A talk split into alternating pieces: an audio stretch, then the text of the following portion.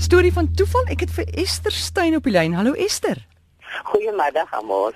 Vertel my van jou storie van toeval. Weet jy my uh, vriende van my skoonouers het pas op pad uh, uh, na troue toe in Pretoria. En langs die pad kan hulle sien hulle toe 'n soldaat staan. Dis nou baie jare gelede.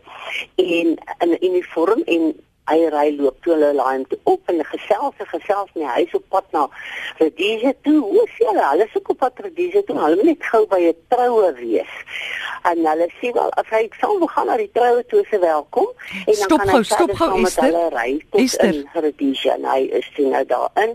En die trouery is so aan die gang. En toe die dominee hier op die ou en sê weet forever hold your peace. Toe staan die soldaat op. Toe sê hy die huwelik kan nie voortgaan nie want daai ek ken daai man. Hy bly naby my in Engeland en hy het 'n vrou en drie kinders. Nou ja soos wat my vriendin altyd sê dit was nie chaos nie dit was goeie gewees op daai oomblik Ek sê kom ons sê eers nou dit wat gebeur seker wat so 50 jaar gelede of meer. Ja, omtrent. Ja, dit is nog nog in die ou dae toe mense nog kon ry loop en toe dit nog redige was daai ja. tyd. Ja. En ja. dit was Maar weet jy ek ek ek kan maar net voorstel die arme bruid. Jy weet hoe sy gevoel het.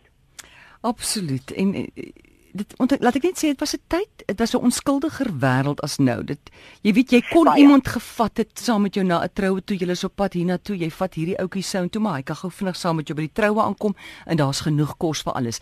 Nou die ja. die mense wat getrou het, is dit was dit familie van jou Uh, nee, dit dit is van dit was familie van die vriende van my skoonouers. Ja, dit was 'n familie wat getrou het. Dit was blykbaar 'n verskriklike ding na die tyd gewees want die man het probeer ontken, maar dit het hm. nie gewerk op die ouens nie want die man het vir hom sê hy lieg. Hmm. En uh, nou ja, die, dit is ek weet dit is skrikkelik gewees het. Maar jy weet in daai dae het jy nog maklik iemand opgelaai. Hmm. Hmm. En uh, vandag kan jy mos nou nie meer sulke goed doen nie. Hoorie Esther en gewoonlik gebeur daar goas um, by die partytjie na die troue. Uh, maar hier het dit sommer al in die kerk gebeur. Ja, ek dink nie ek weet nie of daar 'n partytjie toe was. Ja, ja, ja. Ek kan nie dink dat Dit is vreeslik, maar dit wys jou net jy weet daai van toevallig, né? Mm op daai huwelik en en dit kon vreeslik gewees het vir daai vroutjie as hy dit later moes uitgevind het.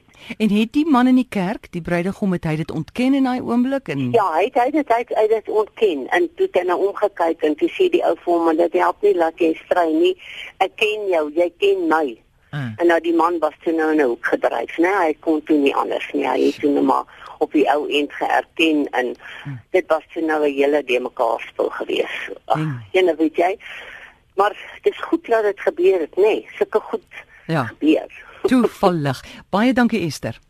Goed, mooi dag verder vir jou. Dankie Selle, totsiens.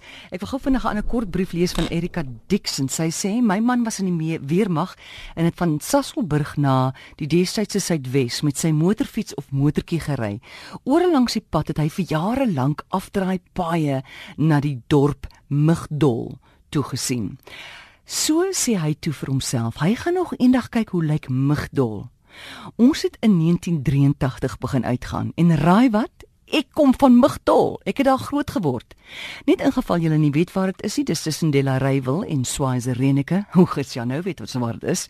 Sy sê ek en Jim, ons is 2 jaar later getroud en is nog steeds baie gelukkig getroud. Ja, interessant dat hy dat hy al die jare gevoel het daar's 'n koneksie tussen hom en Migdol.